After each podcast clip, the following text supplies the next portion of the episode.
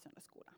Så det gjorde jag. Så jag följde med henne till kyrkan och blev med i de olika barngrupperna där.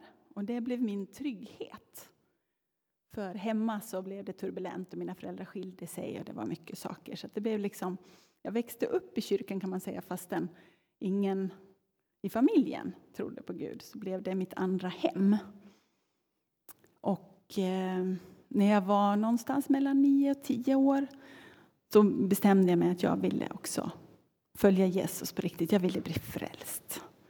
Och så fick jag be tillsammans med en ledare där och tänkte att ja, det var jättestort. Jag kommer ihåg tillfället men jag vet inte alls när det var. Jag vet inte vilken dag det var, men jag minns att jag tänkte att okej, okay, det känns ungefär som igår. Men nu är jag helt säker på att Jesus är med mig och bor i mitt hjärta. Det är han som är boss. Um, sen ju mer jag lärde mig om Jesus och om Gud så fick jag ta nya beslut att ja, ja men jag, jag väljer dig Gud, jag tror på dig. Det här som jag, det nya som jag lär mig om dig, det, det väljer jag också. Och när jag var 16 ungefär, då ville jag döpa mig, men mina föräldrar de ville att jag skulle vänta lite tills jag blev myndig. Så dagen efter jag fyllde, fyllde 18 var en söndag skulle jag säga. Och då döpte jag mig. För då fick jag välja själv. Men jag fick fortfarande, fortfarande så att Gud visar mig mer. Och han visar mig nya planer och nya sidor. Och då får jag hela tiden liksom, ja, ja men jag väljer dig Gud. Ju mer jag ser desto mer får jag gå framåt. För jag vet inte om ni har upplevt det så, men jag upplevde det i alla fall så att jag tänkte att de där vuxna, de har koll. Bara jag blir vuxen då kommer jag också ha koll. Och sen så blev jag äldre och så tänkte jag, undrar när det där liksom, kollen kommer. Och så insåg jag att jag är ju fortfarande bara lilla jag här inne. Och så insåg jag att de vuxna har inte heller kontroll. Men vi behöver inte oroa oss. Precis som Amanda sa så behöver vi inte oroa oss för Gud. Det är han som har kontroll. Vi kan lita på honom.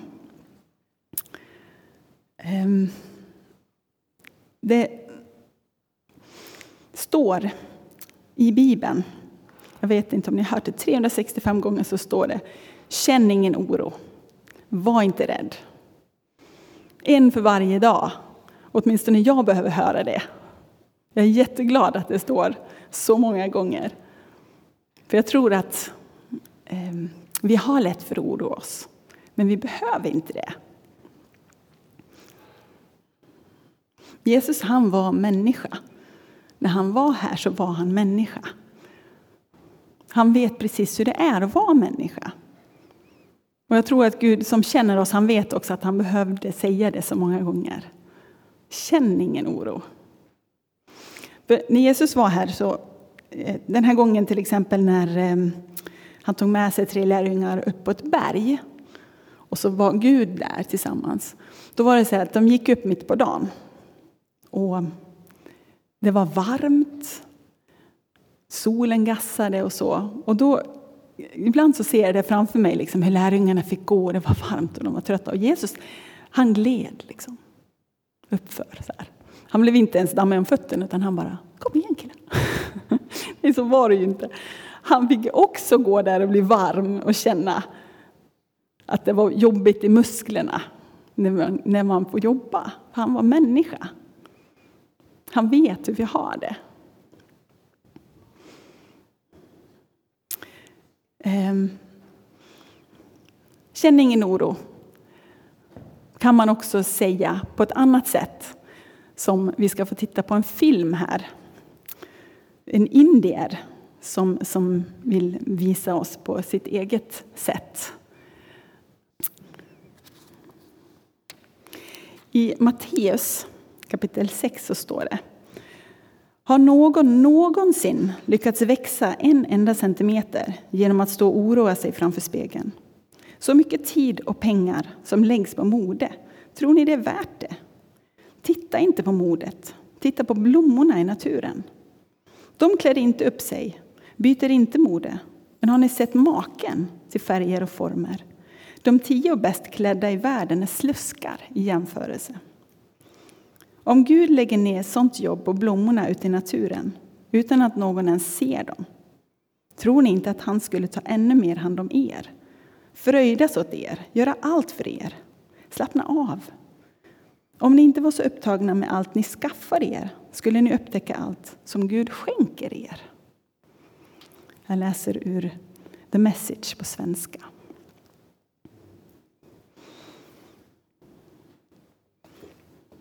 Kan lita på att Gud har goda planer för oss. Att Gud har goda gåvor för oss. Gabby, kan inte du komma upp? Så ska du få hjälpa mig med en sak här.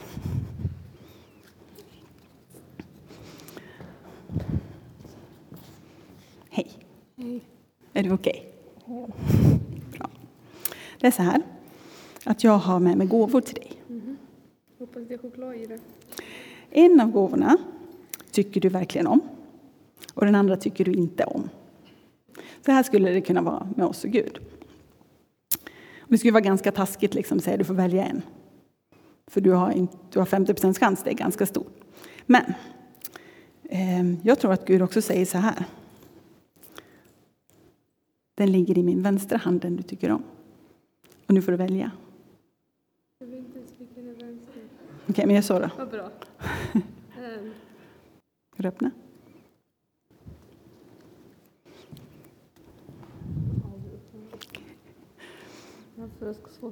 Det är tejp. Du måste... Du måste kämpa för det man tycker om. Ja, precis. Hoppas ni har hela kvällen på Åh!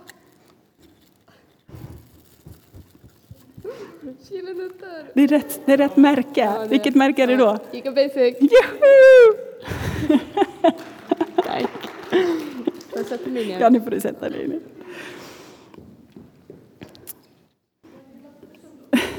Den andra påsen där är lakrits, så den kan de andra få, de som tycker om lakrits. Det vet jag att Gabby inte tycker om, så jag har frågat henne om hon skulle komma, men hon visste inte om att jag skulle ta upp henne på scen. Nej.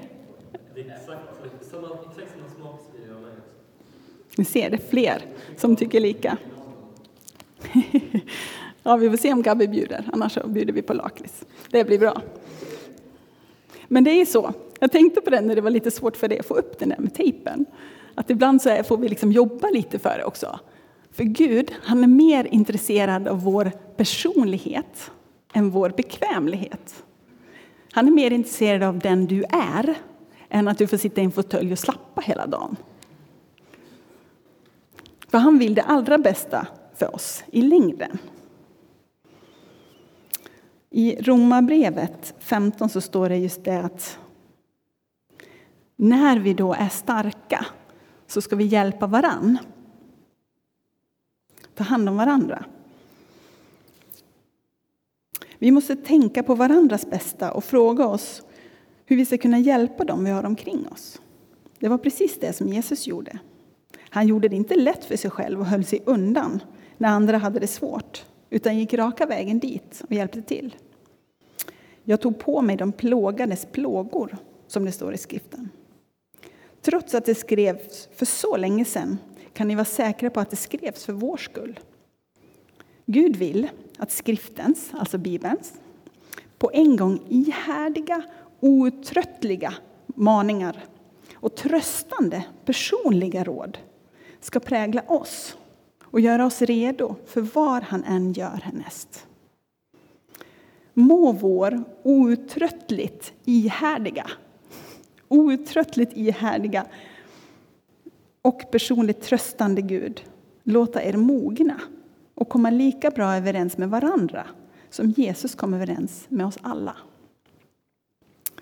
Då blir vi en kör, inte bara av röster utan av liv som i harmoni lovsjunger vår Mästare Jesu Gud och Fader. Tack Jesus för att du är så fantastisk. Och tack Herre för att du inte bryr dig om vår bekvämlighet lika mycket som vår personlighet. Även om vi ibland tycker att det är ganska jobbigt att gå ur den där fåtöljen. Så vet vi och vi litar på att du är den som du säger att du är. Vi litar på att du har goda gåvor till oss. Att du vill vara nära oss varje dag. Och hjälp oss Herre, hjälp oss att ha rätt bild och rätt syn på dig. För det är så lätt att vi oroar oss. Det är så lätt att jag oroar mig, Herre. Och glömmer bort vem du är. För jag ser bara lilla mig. Men tack för att du är stor. Att du omsluter oss hela tiden. Du är så stor så vi kan hjälpa varandra också i det. Påminna varandra. Älska varandra för att du älskar oss. Herre, jag ber att du ska få vara så nära oss så att vi känner och vet vem du är. Jag ber att du ska rätta till den bilden vi har av dig som är fel. Vi ska få känna att du är vår pappa.